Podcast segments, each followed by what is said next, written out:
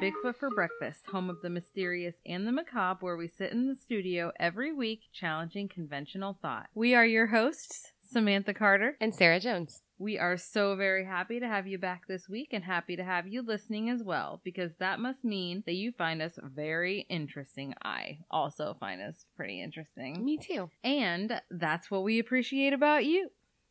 So, we appreciate you because you like us. So, we're a little ways into the new year and we've been thinking of lots of ways to make the show better. So, we want to ask you guys for any suggestions that you might have. So, if you have any advice for us, if you have a suggestion for the show, please feel free to shoot us a message on Facebook or email us at bigfootforbreakfast at outlook.com. We always love hearing from you guys, and we also appreciate the feedback that we have already been getting about the show. And we want to ask again that if you have not yet left a rating or a review on whichever podcast app that you're hearing us from, that you please take the time to do so because that helps the show out tremendously and it also lets us know what you think. Tell us how you're feeling. Lay back on the couch and talk. It's So- never a couch though. It's more like a chase lounge Yeah. in the movies. Oh, is it a couch in real life, Samantha? How do you feel about that? At the therapist. How does that make you feel? My therapist purrs at me. Right. saying.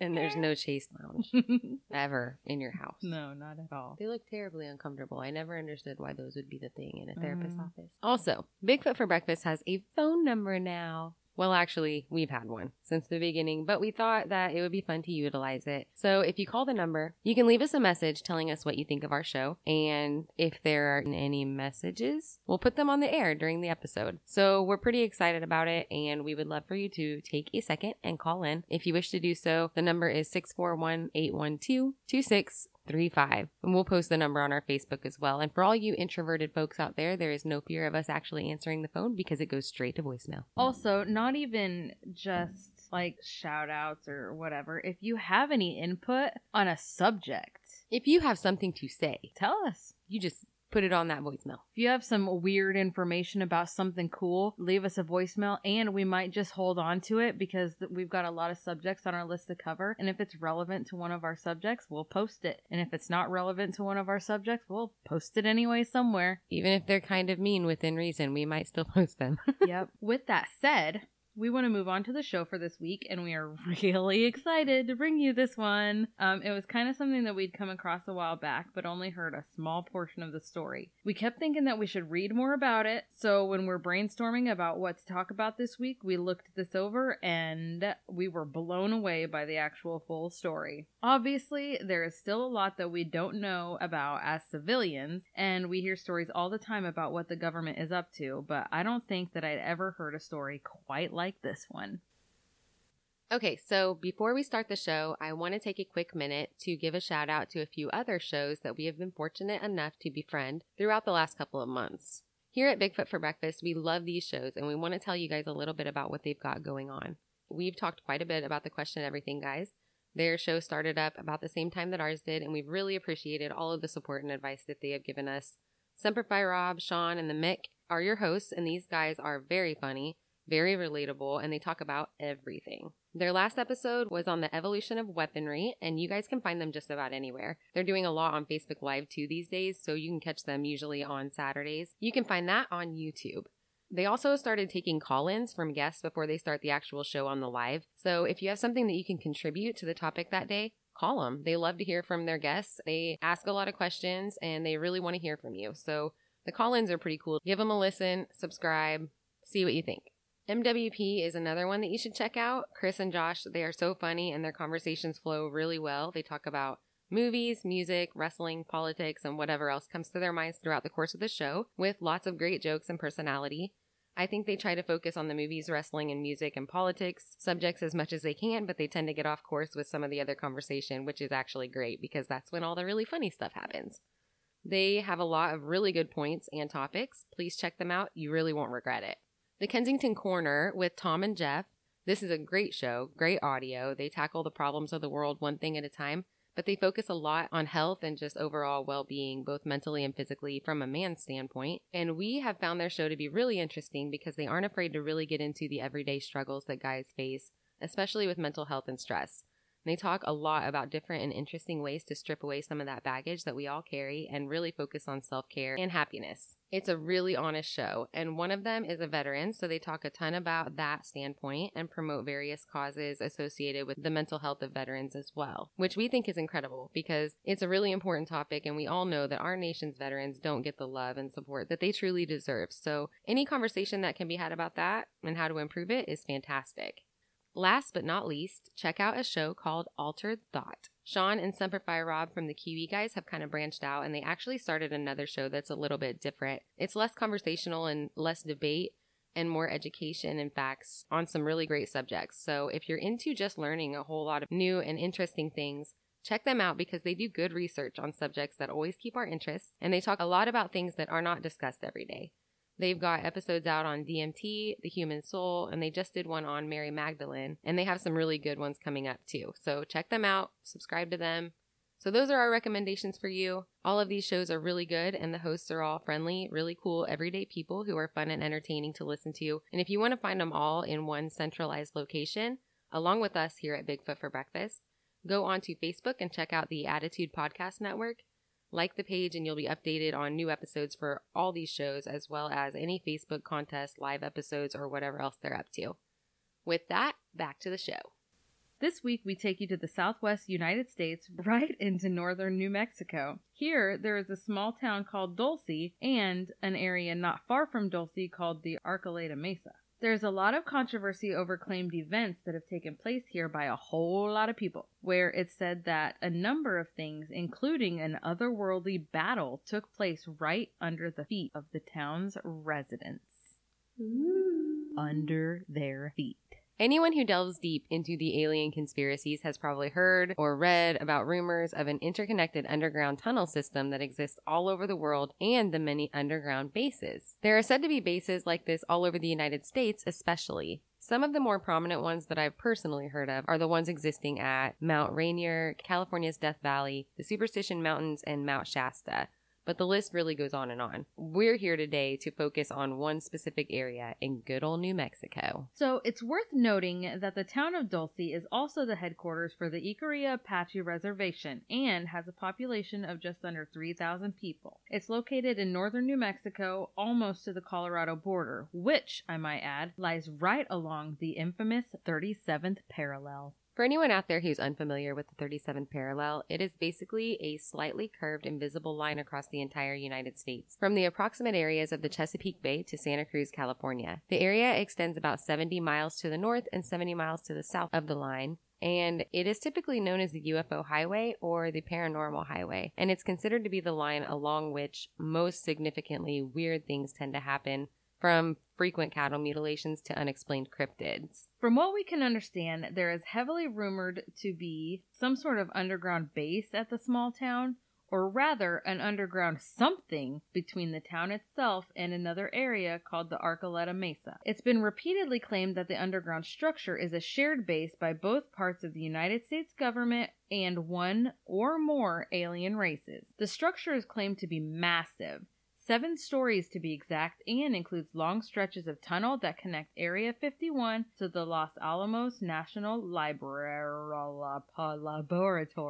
Laboratory laboratory. There's tons of speculation regarding the mere existence of this base, but it seems the closer you get to the area and the more you hear from the people who live close by, you will hardly find even one person to tell you that there isn't something incredibly strange under the surface of the earth at the Archuleta Mesa. Regarding this controversial story are bits and pieces of information all over the place, but putting it together was somewhat difficult because we tried very hard to use as credible of information as we possibly could in in a story like this. As you can imagine, there is a lot of information out there that seems to be embellished and uncited. So we had to weed through a lot to come up with what we have. Get your garden gloves. We're going weeding. It took a while.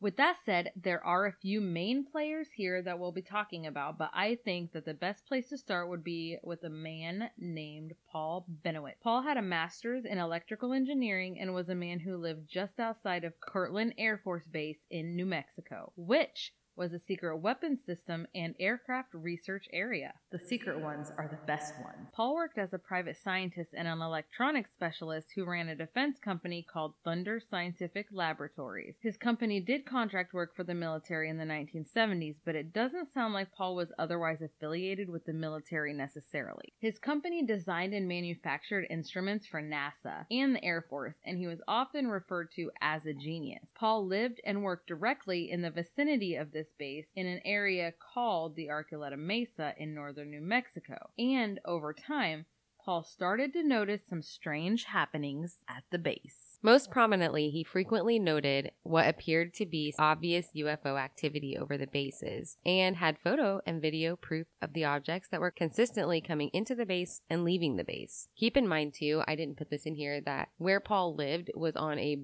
this is a mountainous area, and where Paul lived was on a big hill overlooking the entire base. So he was kind of positioned nicely to look and see what was going on out there.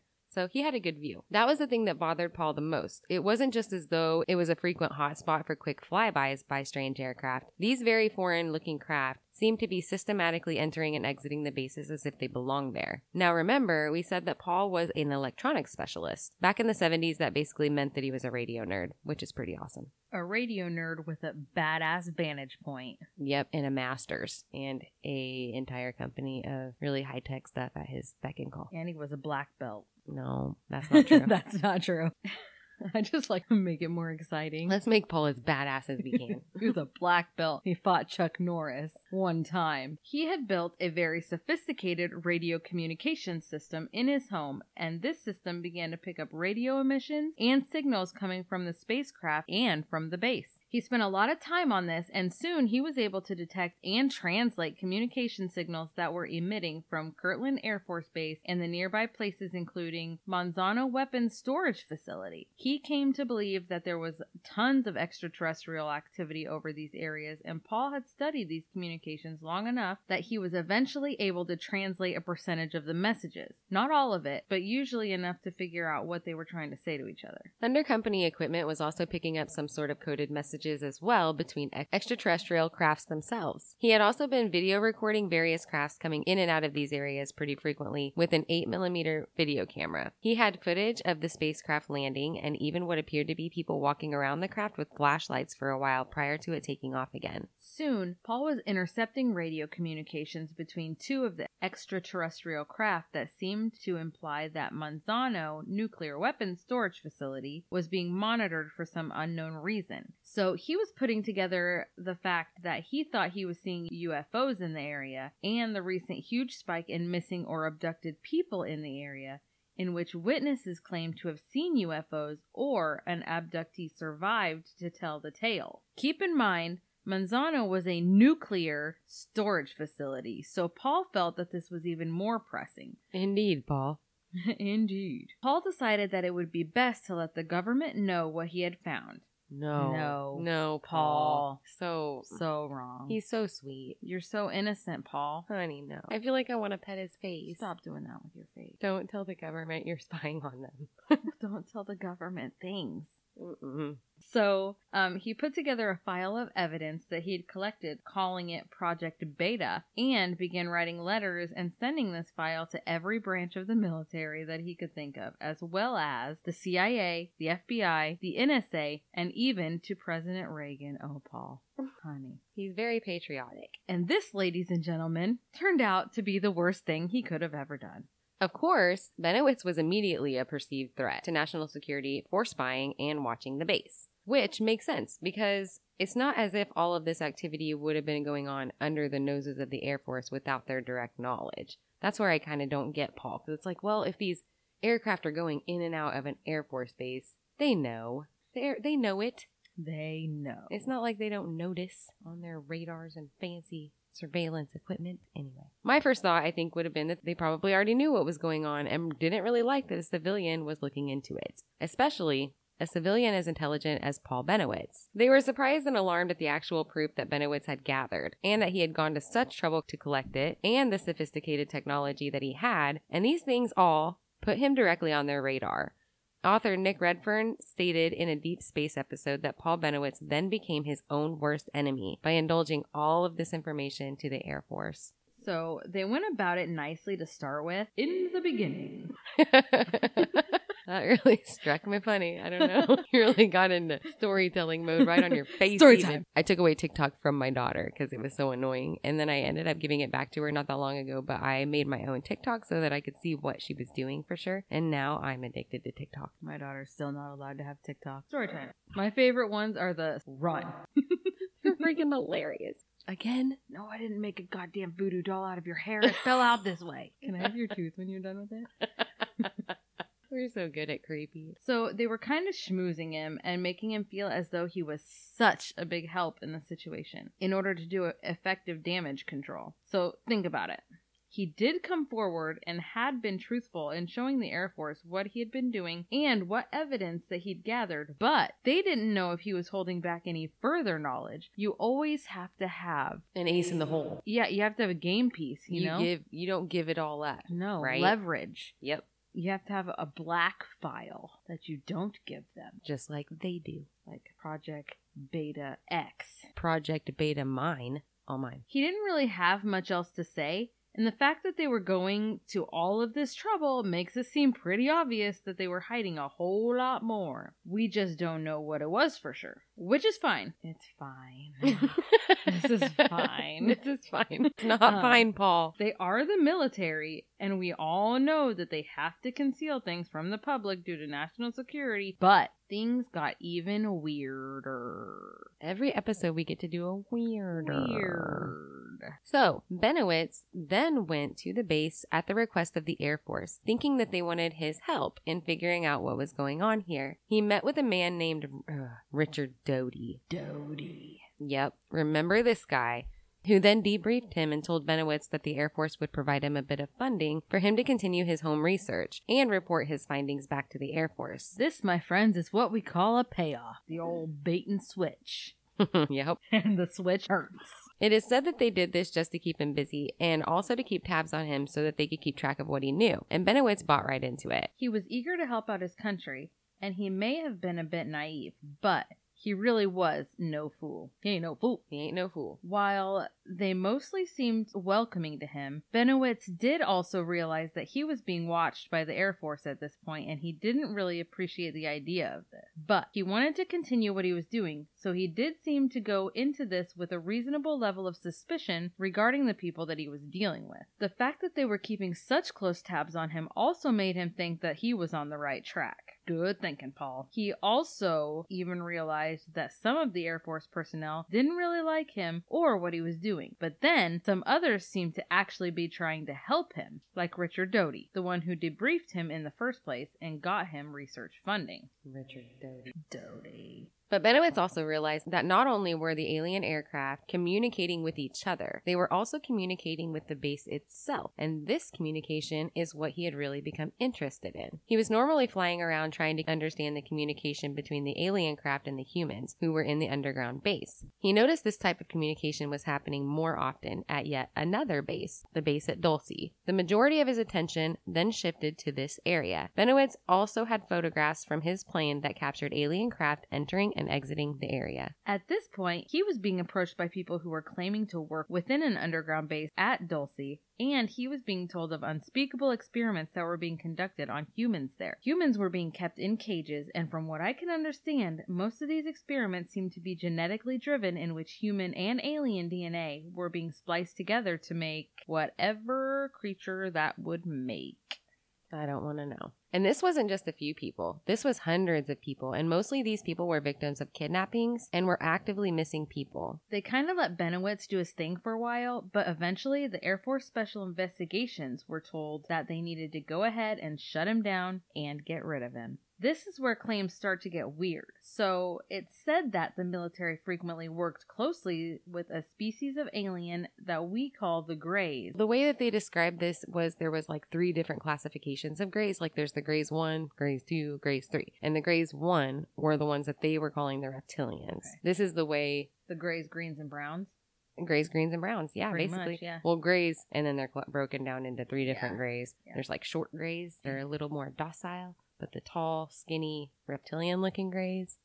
And that's who we're talking about. So, like, apparently, we actually had various agreements with these species. Treaties, yeah. Okay, so the Air Force employed the Greys to mess with Bennewitz to try to scare him into quitting his research altogether. I don't know if they know how people like us work. it just makes you more interested. Exactly. Bennewitz actually had a small plane that he would fly frequently over the area of Dulce, and remember, he had built these radios that could supposedly intercept radio transmissions and communications between the alien craft, and he could decipher them enough to understand the bulk of it. Supposedly, the Greys in the military messed with Bennewitz so much that he eventually had a nervous breakdown, and this was the end of his part of the story. This really would have been a smart strategy because a complete nervous breakdown would both take him out of the equation and discredit him all at once. Bennewitz even lost his business that he had successfully built up himself, Thunder Scientifics, but he had to turn it over to his family because he was unable to function enough to run it day to day. Obviously, this is a crazy sounding story, and there are some people with some pretty decent arguments regarding how all of these rumors came about, and it doesn't involve aliens in the least. At least not real ones. The argument is that Paul did stumble across something strange in the area and on the two bases. Some people argue that Paul happened upon the U.S. military late night testing some of their own more advanced aircraft that had not been introduced to the public yet. Of course, these would look strange. They would be completely new technology. I mean, look at how many UFO sightings turned out to be the stealth bombers here more recently.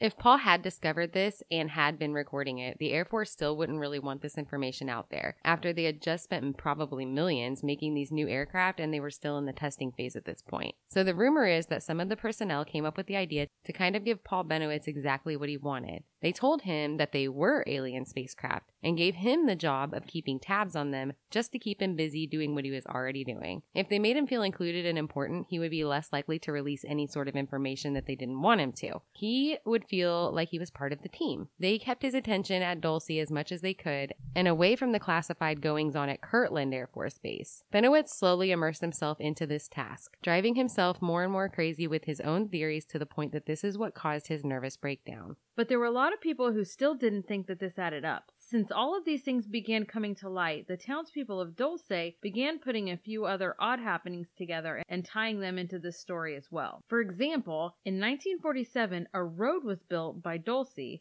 right through the desert into seemingly nowhere. The people were told that it would be a road leading up to a major lumber warehouse that would be constructed out there by a large company, but the construction never happened and no lumber was ever hauled onto the road. The road was later destroyed. It was speculated that the military needed a road to get something to the base undetected for a while and that the lumber company was a made up story to keep the people disinterested.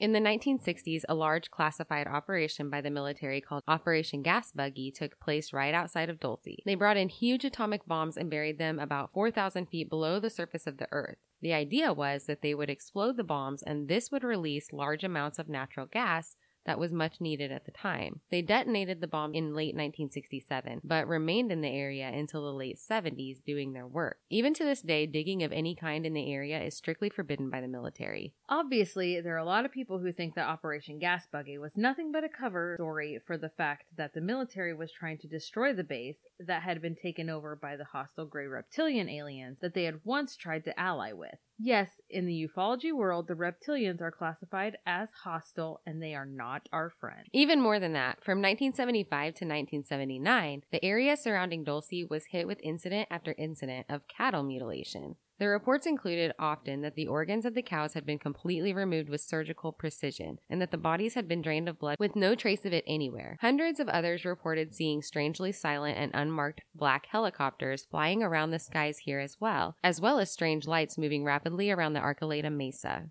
In true Bigfoot for breakfast fashion, we looked a little further into the cattle mutilations by digging around in the FBI released documents at vault.fbi.gov. And indeed, we found several documents confirming investigations into the mutilations of many, many cattle. Unless this was happening on a very large scale and had some weird characteristics, I can't see that the FBI would have even gotten involved in the killing of a bunch of cows. I found a report describing a specific incident of this written by a police officer from the New Mexico State Police. The report was written on April 24, 1978. It's somewhat difficult to read, but as far as I can tell, it reads like this.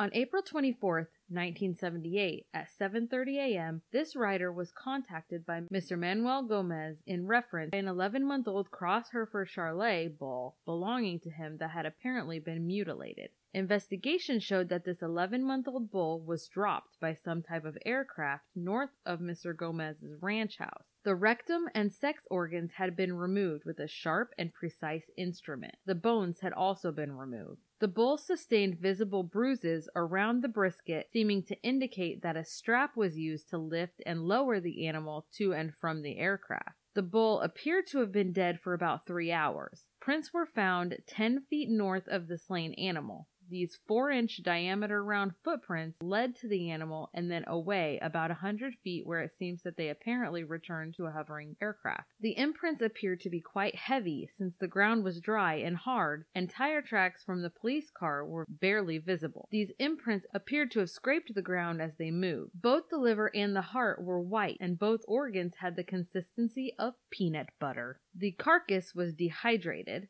The heart was taken to the Los Alamos Medical Laboratory to be analyzed, and the liver was taken to three different private laboratories for investigation. The Los Alamos Medical Laboratory returned a finding on the heart. The report is attached. The only entrance to this mutilation site is through Mr. Gomez's front yard. No vehicle was seen or heard entering the pasture.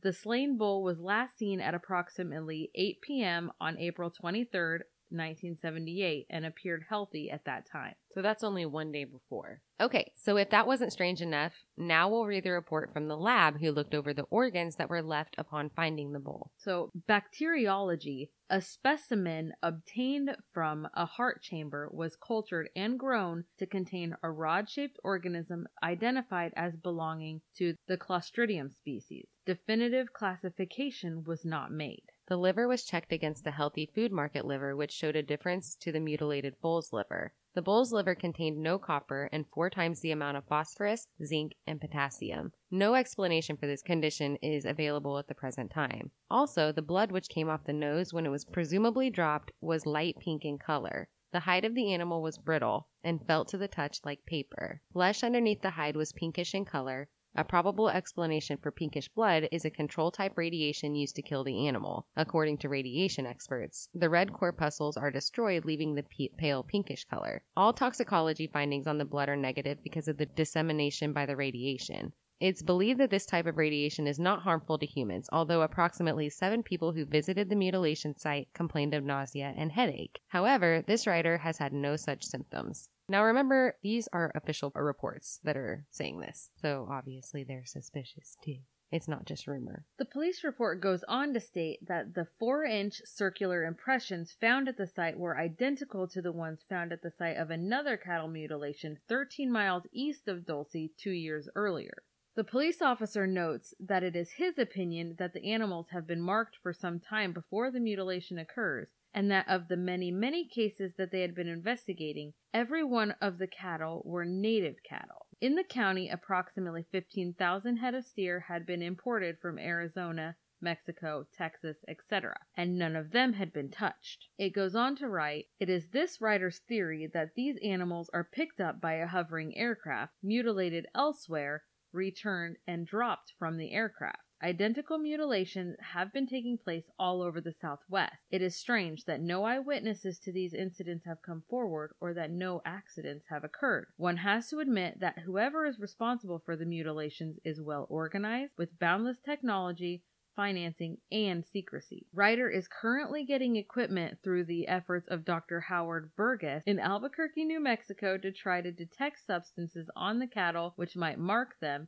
and then possibly be seen by infrared rays but not visible to the naked eye. These tests will be done on all of Mr. Gomez's cattle in the near future. Okay, so that isn't even the end of the report. It goes on and on, really, and there are several more reports here in the FBI vault as well that we recommend you look up. The vault itself is a total rabbit hole. It includes the letter from the New Mexico State Senator Harrison Schmitt, in which he requests assistance from the FBI in the matter. The FBI was able to get involved here because some of the mutilations took place on a nearby Indian reservation, so federal law had been violated, where it really hadn't before, with other mutilations outside of Indian territory. There is an FBI report that had been sent to the director of the FBI at the time talking about the mutilations as well. They had one of the state police officers by the name of Gabe Valdez in direct correspondence with them, and his update that he sent to the director in May of 1978. Valdez reports that the cattle are being shot with some type of paralyzing drug and that the blood is being drawn from the animal after an injection of an anticoagulant. The mutilations seem to be coinciding with the appearances of reports of the un- unidentified black helicopters being seen in, in the area. Like the first police officer, Valdez seems to believe that the animals are being taken elsewhere to be mutilated and then dropped back off at their original pasture. He noted that the mutilations are including the removal of the tongue, lymph glands, and sexual organs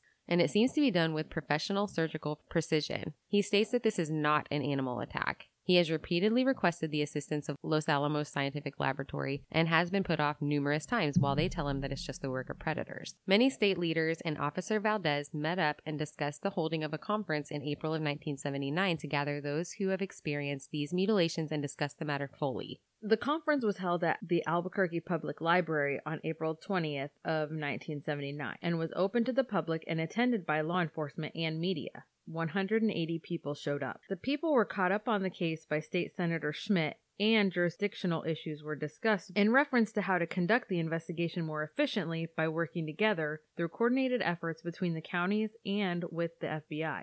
$44,170 in grant money was received from the government to conduct the investigation, and it was discussed how to use it most efficiently. Many people spoke at the conference, experts in ufology and cattle farmers alike. But there was one statement that I found to be kind of interesting. Chief Raleigh Tafoya of the Jicarilla Apache tribe spoke about the mutilations that have been happening on the reservation, and he made a statement that some of his people who had lost livestock had been threatened. But he didn't elaborate on the threats. Why no one at the conference thought to ask him, I don't know, but I would be interested to know what he meant by this. Threatened by who? I have to admit, I've always wondered about these cattle mutilation claims that have been reported for decades and what they're all about. What interest would aliens have in our cattle? Why does it only seem to be cattle? And in my research for this episode, I guess I may have my answer. In several sources, I happened to come across the alleged answer to this question. Apparently, the Greys, or the reptilians, as they've come to be called, derive sustenance from the blood and glandular material that they get from cattle. It is consumed by topical application onto their bodies, and then the waste is excreted from their skin as well. Beyond the FBI vault, there is a letter written to a man named Steven sent by John Lear in which he talked about the situation at Dulce. We never really find out who Steven is, FYI. I searched and searched and searched. There was a lot of speculation. Some people thought it was Steven Spielberg. I don't know why, but there is no proof. Maybe it was Stephen Hawking. Maybe. I have no idea. Anyway, it was to a guy named Steven. The letter talked about the situation at Dulce, Bennewitz, and Project Beta. John Lear is the son of William Lear of Lear Jets. He's known to have worked for the Department of Defense and frequently flew for the CIA on missions. He started hearing things about the Greys and the bases located around the southwest United States, and he became incredibly interested in Dulce, New Mexico. As you can imagine, being who he is, he had some amazing connections and he began his own in depth investigation. This letter is basically his outline of everything he had figured out over the years. He talked about the cattle mutilations going on throughout northern New Mexico and the precision and process by which they're killed, and that all pretty much aligns with the FBI and police reports. He also mentions another thing that totally blew us away. Run.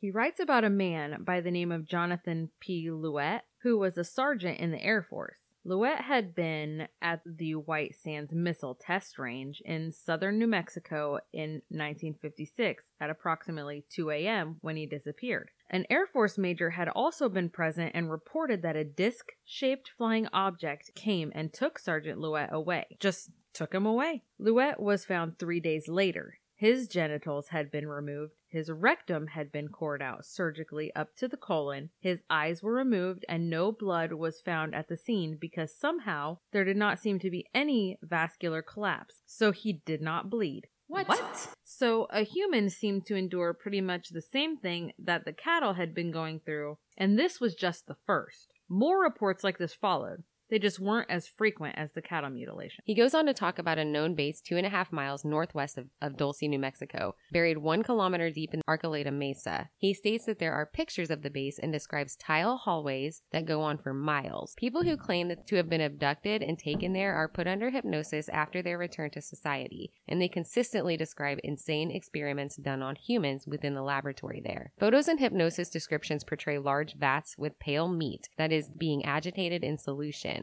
One of the abductees, while in hypnotic regression, described seeing large test tubes with humans in them. They also stated, I saw a baby in another. The hypnosis experiments and witness accounts also describe genetic crossbreeding experiments between the Greys and the human subjects. It's said that the base was built over the course of a few years under the authority of the infamous MJ 12 with the help of extraterrestrial beings. These beings wanted the power of experimentation and control within the human government and the use of humans to study in return for their human use and study of their advanced technology. This was agreed upon, but human authorities here had bargained more for the monitoring of human development and behavioral study with abductions being on a very small scale, as this is what the Greys had assured them would be happening. The abductions were only supposed to be a couple of hours in which non invasive experiments were performed, and then the human subjects were returned unharmed, having not remembered a thing. The government and the military also wanted a list of the abductees to be periodically submitted to the National Security Council and MJ 12. It didn't take long to realize the manipulative nature of the beings that they had allied with as they figured out that people were being abducted by the thousands, including many of the nation's missing children, and that also these experiments and monitoring were going way beyond what was ever agreed upon.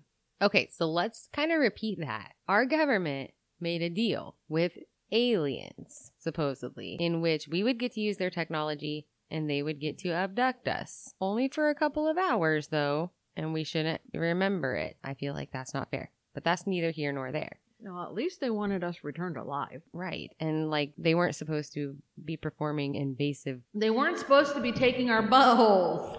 Nah, ner. Most importantly. nah, bro. So there's that. And then things went awry. Imagine that. So these reptilians or greys turned out to be a little bit more, they're shady, man. They're just doing stuff however they want. They wanted to get in with the government and get into position, but then basically they're just like, we don't care about your treaty. But then at this point, what are we going to do? Yeah, exactly. At this point, it's too late. They're mm. stronger than we are. They out tech us. They everything. And this next paragraph proves that. So in 1979, our government got fed up with this and there was an altercation at the base. babe, we need to talk. Right. MJ12 had realized their mistake and wanted to free the humans who were trapped in the facility as the entire plan had gone much further and had become much more sinister than they ever intended. Delta Force was called in to help people get out. The plan backfired though because the extraterrestrials involved were an aggressive kind and they fought back with weapons much more advanced than humans had. In the end, 66 soldiers were killed here. The people who were trapped in the facility never got out. 66 soldiers, Delta Force. Oh, there was Navy SEALs too. Later on, it a different source says that it was both Delta Force and Navy SEALs. Why the buttholes? Like, why the rectum and the descending colon? Apparently, they're genetic experiments, and maybe the aliens were confused as to what for sure were the organs for that. Because remember, they don't excrete waste that way. It's through their skin. So they're like, what's this thing? What's this confusing orifice that we don't know what it does? She's staring at me with wide eyes. Go ahead. So, the rumor mill goes on. MJ 12 was still in operation, and they had spent years worrying about what they were going to do about the aggressive extraterrestrials who solely occupied the massive underground base at the Archuleta Mesa. They figured that the people would eventually find out because even MJ 12 was really unaware of what the Greys who were still underground in the base had planned. Would they eventually just make themselves known? Would it come out that the US government was involved in the aliens being there? What are they doing down there? They're stealing buttholes. We all know what they're doing. Mom, I want pizza rolls. I told you never to come in my room when I'm vacuuming. They're the teenage son of the MJ12. right? doing dirty things. In Do- dirty places. doing the humans dirty. yeah, doing us dirty. anyway. The experiments on humans were likely still going on. Oh, you don't say. Since that's what they wanted in the first place, and people just kept disappearing. The members of MJ12 and the parts of the government who were aware of this decided that they probably needed to get the people used to the idea slowly. So they had completely lost control and are just like, maybe we should somehow like tell them, but not tell them. Just the tip. Yep. just see how this goes. Let's just see how how they handle it, and then we'll go from there. So supposedly they began quietly endorsing films and television shows such as Close Encounters of the Third Kind, Star Trek, and E.T. It could have been Steven Spielberg. Maybe. As a sort of soft disclosure project to get the public subconsciously more open to the idea of alien beings. Documentaries were released as well as books about Roswell. Sometimes love means doing butt stuff. That's my quote, man. I know I stole it from you. Bastard. Fair use. Think about it. This is the 70s, and the most humans had ever really been exposed to the idea of aliens were just rumors of abductions that had maybe happened, and some old fiction shows that weren't really even realistic. Look at what happened when War of the Worlds aired on the radio in 1938 and was too realistic. People thought that it was an actual radio broadcast and they completely freaked out. People were killing themselves. Yeah, like it was a huge, they were like trying to evacuate the city and all kinds of stuff. They were looting. The government was probably incredibly worried about what would happen when civilians figured out that actual hostile aliens with weapons more advanced than ours were living under their feet. And we invented butt plugs. What? It's not true. It's not true. False information. You don't know that? Show. No. There's a thing happening. Something happened. That's my exact quote for when I stabbed a knife through my hand. yeah. Something happened. We're all like, yeah, I did. yeah. Because, you know, she didn't pull the knife out right away. It was still in there. and it's like, damn, maybe move that. Mm-mm. Remember the time when you dropped tongs in the fryer oil and then reached your hand in to retrieve them? Yes, I remember that very distinctively. Distinctly. Yes, it was quite painful and People- memorable. People think I'm the awkward one. Well, you know, you have those panic moments and you just react. Without I would not thinking. panic about dropping tongs in fire oil. Oh no. Not the tongs.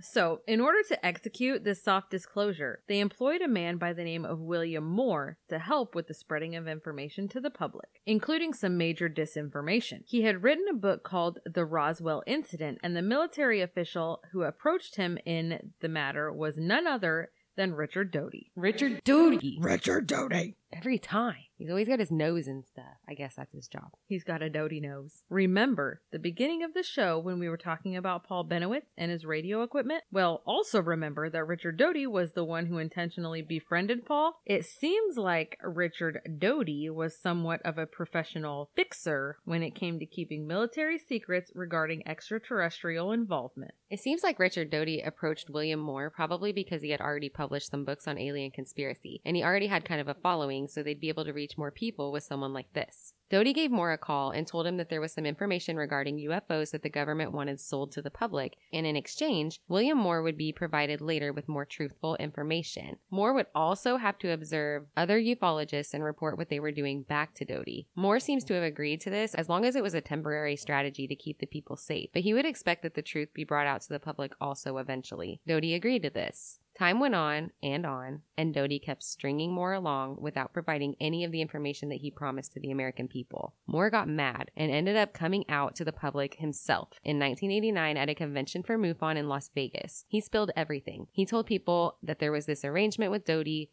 about Dulce, New Mexico, and about the fact that he and Doty had both befriended Bennewitz in order to intentionally feed him false information to keep him off the right track. Doty had told Moore that Bennewitz made the military officials nervous because he actually had some really high tech equipment that was picking up things that they didn't want him to, unlike ordinary suspicious civilians. Moore also stated that when they were told it was time to shut Bennewitz down, they worked together to mess with his plane and break into his apartment and rearrange things constantly in order to help along his mental breakdown and make him appear not credible in case he decided to go public with the proof. Makes me so sad because Bennewitz was actually such a smart guy who worked so hard to build up this business and he was so patriotic that he genuinely just wanted to help out, you know, with something that he thought was an actual problem. So it sucks that they did this to him. Later on, we'll talk about this too, but there was a documentary documentary with Richard Doty where he kind of talks about this. And I have to throw in that if you ever watch this documentary, you just won't like him. He the whole time he's talking about it, he almost seems to be like almost laughing. Smug. He's smirking through it, and it's like, man, you ruined this guy's life, Dirty Doty. his whole life. Dirty Doty. That's a good nickname. He done us dirty Doty. He did us dirty. Okay, anyway. In the meantime, the government would continue to try to develop weaponry that could defeat the Greys and hopefully eradicate them from the tunnel systems that were becoming infested. The Strategic Defense Initiative was started under the guise of creating a defense from Russian nuclear missiles, and it was introduced to the public via a televised appearance by Ronald Reagan on March 23rd in 1983. It was described to the people as a program that would protect them from intercontinental ballistic missiles from different positions in space. From space, the missile trajectory would be able to detect them at various phases of their flight and intercept them using both space and Earth based laser battle stations. Laser battle station. Right? Pew pew. Fire photons. The program was nicknamed Star Wars. Ironic. But Lear brings up that this was obviously not the intended use for the program. They were really developing weaponry of this type to defeat hostile aliens who had already begun inhabiting the Earth. Lear goes on to list various aliens who are being held at Los Alamos Research Laboratory in New Mexico and various interviews with them. He states that they communicate telepathically and that their only known home is the Zeta Reticuli 1 and 2, which is a binary star system that is about 38 light years away with a spectral class of G2, which is identical to our sun. He speculates in this letter that many people who know about this also know that there are several bases and tunnel systems all over the world. What if they all contain alien beings? And what if a slow plan to infiltrate the Earth from underground is in place? And when they have all gotten into place and the underground infiltration is complete, they plan to move upward, taking our planet as it is easily one that they could inhabit due to our resources and distance and size of our sun. I don't know about you, but to me, this is kind of a dismal thought. Lear goes on to wish his friend Steve a Merry Christmas and hopes that everyone is found in good health. Merry Christmas. We are all going to die. Right? If you're interested in anything that John Lear has to say about this, take to the internet because there is literally interview after interview with this guy and you can hear all about it. Definitely worth a Google. It's worth a Google. You can also find many accounts of claimed abductees who had been taken to Dulce Base and have a story to tell, including a woman named Christa Tilton. We chose John Lear and the way that he told the story because his descriptions and involvement seem to be the most detailed in writing as far as laying out the actual base and the events that took place in chronological order. But there are a whole lot of other people who tell pretty much the exact same story and witness these things in other capacities. Yet another man who has come to light in this situation is a guy named Thomas Castello, who is a former Dulce base security officer. There was an interview conducted with him approximately one year before his untimely death, in which he talks about installations to the base and the building of the base by the Rand Corporation, with mole machines and nuclear powered graphite tipped drill cones. When asked Say about that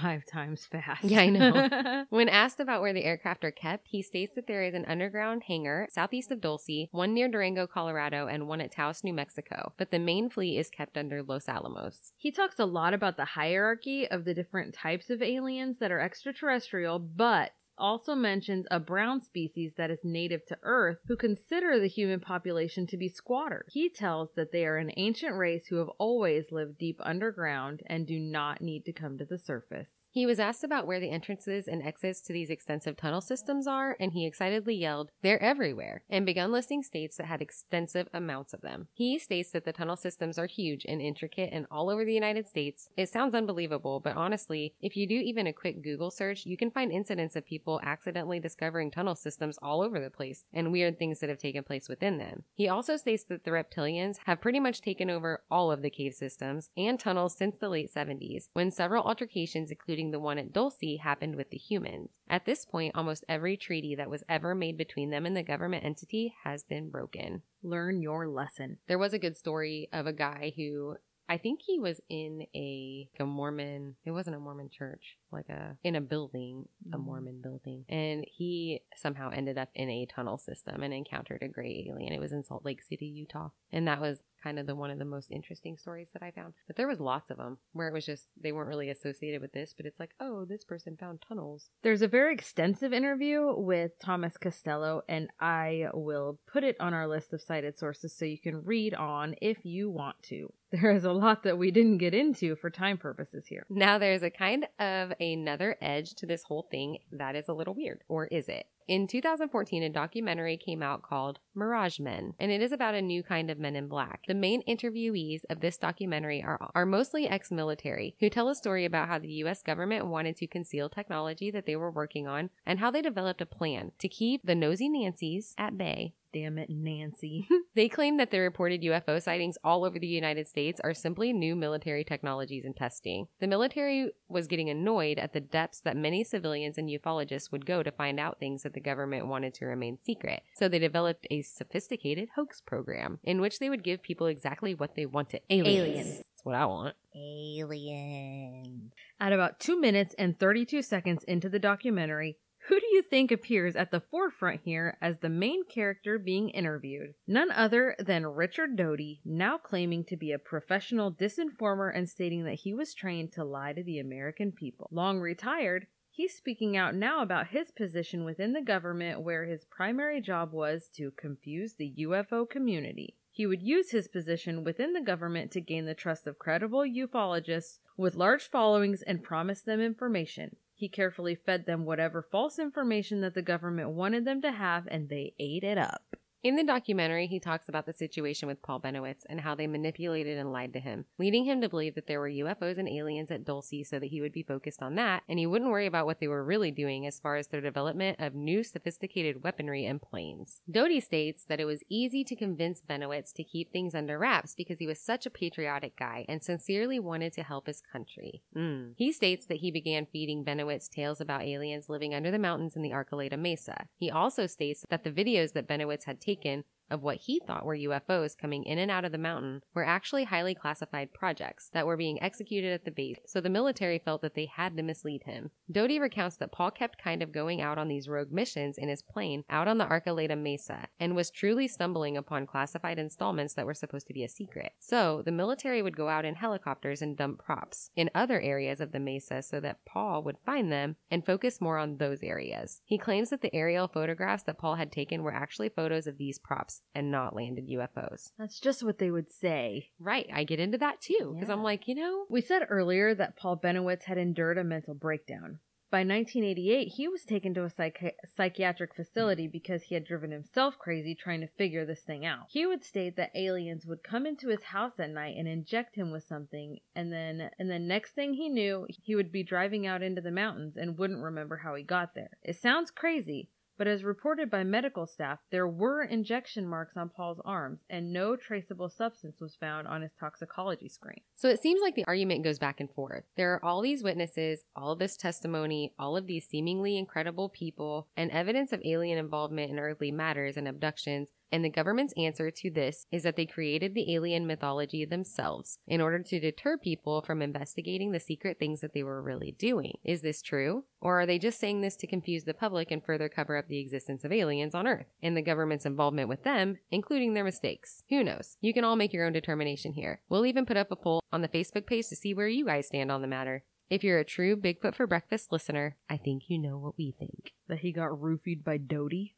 Yeah, and there are aliens True underground. story. Another man by the name of Phil Schneider, who had worked with the government black projects as a government geologist and civil engineer, decided to come forward to the public in 1990. He mostly gave some speeches about his experiences working in an underground bunker located, hmm, under the Archuleta Mesa in New Mexico. His father had been one of the scientists involved in Operation Paperclip which was basically a U.S. secret intelligence program to bring Nazi scientists to America. Also, he was involved in the Philadelphia experiment and early atomic bomb testing. So, growing up with a father like this, he was already aware of shady things that the government had been into, and he had grown an interest in it throughout his life. Phil was part of a team to help continue to build the base and the tunnels, and he says that there was a black budget for this purpose in the 90s that was nearly $1 trillion to build these bases in different areas of the United States. This was in the 90s. Now, Paul adds a new twist on the government alien involvement here, and he states that over time, he came to realize that the base and the cavern seemed to be shaping up to be bases for a new world government in which these reptilian greys would be involved. Ugh. He personally described a facility within the base that was being designed to host UN meetings with a small room just off the larger one from which the reptilians would be observing the meetings, and he got the impression that they would have a lot of control over the goings on. Schneider did not like the idea of this, nor do I, but that's neither here nor there. This had been bothering Schneider for years, and he went on the lecture circuit to disclose this incredibly sensitive information to the public as much as he could. He sadly told friends and family that it would likely get him killed. Remember the battle that we said was supposed to have taken place in the base between soldiers and aliens? Bill Schneider describes the same battle, and even tells a story in which he is accidentally a part of it. He states that they were mining in this area and they were trying to basically figure out where and how they wanted to build, and they ended up in an old existing cavern system that they didn't even know was there. They could hear commotion and gunfire and rounded a corner to see reptilian gray aliens engaged in a battle with what appeared to be Delta forces and Navy SEALs, which was extremely confusing. And it would be. I mean, that would be a sight. At some point, Schneider was hit with what he described as a plasma weapon, which took off part of his right hand before he was quickly extracted from the area. In 1996, Phil was found dead, strangled to death. He got Epstein. No autopsy was conducted, and it was ruled a suicide. Murder by suicide? Soon after all of this came about, Schneider on the lecture circuit telling all about the things that he knew, and then his murder, books, documentaries, and articles began coming out that completely discredited Schneider as a total lunatic and liar. The people close to Schneider and the other people who claim to know the truth state that this is all part of a government agenda to make him look like an idiot to the people, so that all of the things that he said would just be brushed off and the government could go about their business, which is notoriously what the government does. They discredit you and make you sound like some outlandish, crazy person so that people will just be like, oh, we're not going to worry about anything that they say. So, who do you believe? The scientists who worked for the government and saw what they saw, or the media who claim that he made it all up? Hashtag I stand with Schneider. Right? And everybody else.